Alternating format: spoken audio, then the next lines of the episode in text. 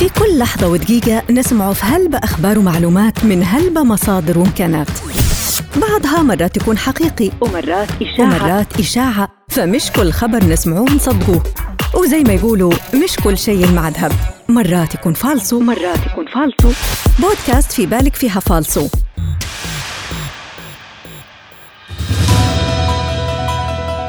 في بالك فيها فالصو. المرة هذه حنبدوها بأبرز الأخبار الفالصو. اللي انتشرت خلال الفترة القصيرة الماضية في ال social media ما حقيقة نفوق مئات الأسماك على سواحل مدينة درنة؟ هل حذرت منظمة الطيران المدني الدولي الطيارين الليبيين من التسابق؟ هل تم فعلا ضرب ممرضة بمستشفى طرابلس المركزي؟ ما حقيقة تعميم خطبة الجمعة حول بدع المولد النبوي في كل مساجد ليبيا؟ هل تم اعتماد تحليل تعاطي المخدرات كتحليل إلزامي قبل عقد القران في ليبيا؟ ما حقيقة نشر صور احتياطي الذهب في ليبيا؟ هذه كانت أبرز عناوين الأخبار الفالصو يلي تداولت بشكل كبير على منصات التواصل الاجتماعي خلال الفترة الماضية أهلا بكم في بودكاست في بالك فيها فالصو يلي يجيكم من منصة فالصو لرصد خطاب الكراهية والأخبار الزائفة. ومن العناوين إلى التفاصيل.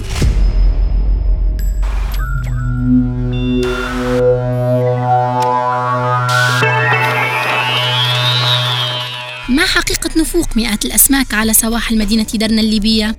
نشرت صفحة على موقع فيسبوك باسم عاجل ليبيا واللي يتابعها أكثر من 500 ألف متابع الادعاء الآتي في ظاهرة غريبة نفوق مئات الأسماك على سواحل مدينة درنة وجاري البحث عن الأسباب حيث حظي الادعاء على أكثر من 1600 تفاعل وأكثر من 30 مشاركة. قام فريق فالصو بالتدقيق في الادعاء بالبحث بكلمات المفتاحية وعن طريق محركي البحث Google Image و TinEye حيث تبين أن أحد هذه الصور قديمة وتم نشرها سابقا في 24 سبتمبر سنة 2019 نفقت عشرات الأطنان من الأسماك البوري بدولة مصر. نتيجة تعرض الأسماك لتيار مياه مشبعة بالرواسب مما أدى إلى اختناقها وموتها داخل الأقفاص السمكية. أما باقي الصور فهي بالفعل في مدينة درنا الليبية. وبناء على ما تم الوصول إليه يمكننا تصنيف أن هذا الادعاء زائف جزئيا.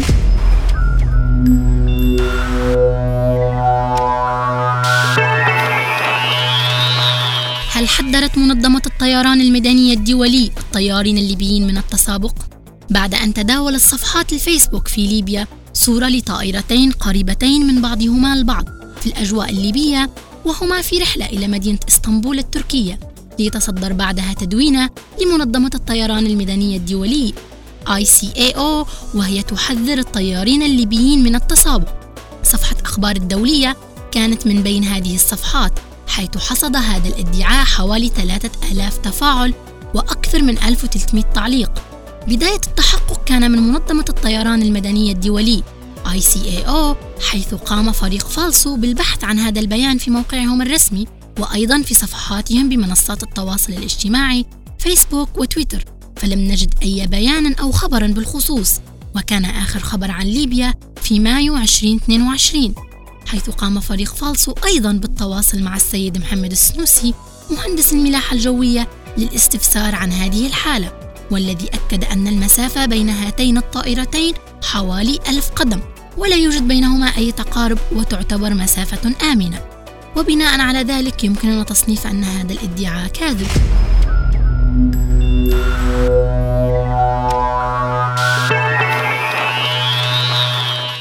ضرب ممرضة بمستشفى طرابلس المركزي.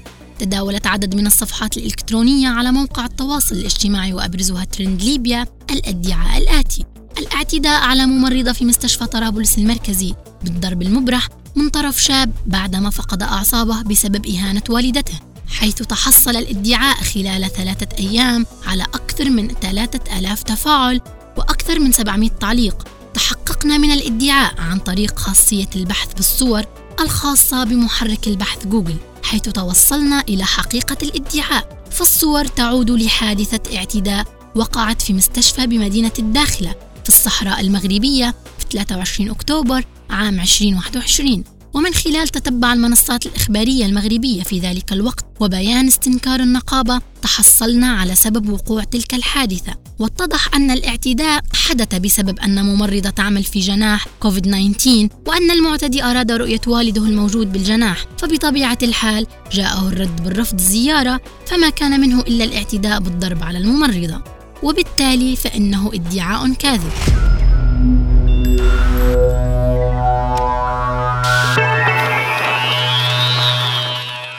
اعتماد تحليل تعاطي المخدرات كتحليل إلزامي قبل عقد القيران في ليبيا؟ تناقلت مجموعة من الصفحات الليبية وأبرزها ليبيان سناب شات والتي أنشئت في 5 يناير 2017 ويديرها ثلاثة أشخاص من ليبيا ويتابعها أكثر من مليون ومئة ألف متابع ادعاء مفاده أن رسميا تم اعتماد تحليل المخدرات قبل عقد القيران في ليبيا ولن يتم الزواج إلا بهذا التحليل حيث حظي هذا الادعاء على 51 مشاركة وأكثر من 20 ألف تفاعل وما يقارب خمسة ألاف تعليق خلال يوم واحد.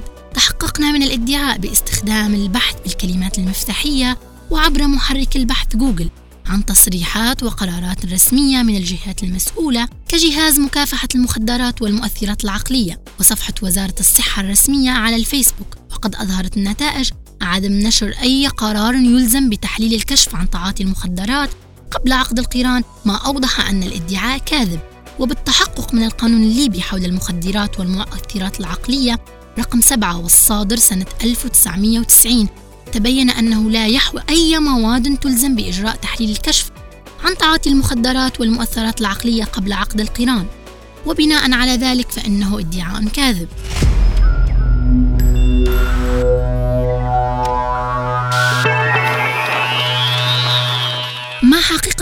صور احتياطي الذهب في ليبيا؟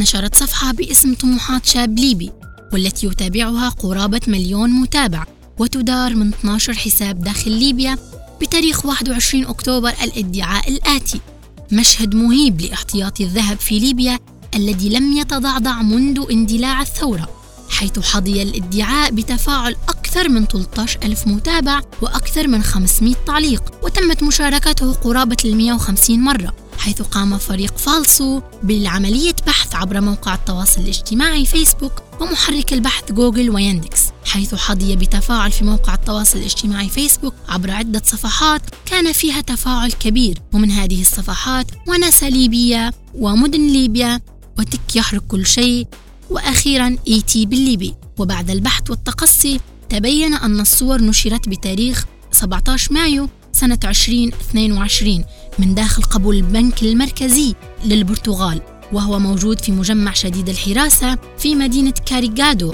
على بعد حوالي 30 دقيقة شمال شرق العاصمة البرتغالية لشبونة. وأظهرت النتائج عبر البحث العكسي أن الصور مصدرها الموقع الإلكتروني لرونان مانلي وهو محلل مختص في مجال المعادن الثمينة. بتاريخ 17 مايو قائلا في يوم الثلاثاء 17 مايو أحضر البنك المركزي البرتغالي. مجموعة من المراسلين والمصورين البرتغاليين في زيارة إلى قبو الذهب الموجود في مجمع شديد الحراسة في البلدة كاريغادو.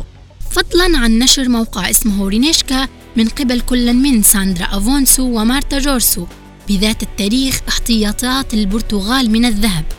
عليه فإن الادعاء كاذب والصور لا تعود لاحتياطي الذهب الليبي وفق النتائج الظاهرة في البحث العكسي والمعمق عن الصور.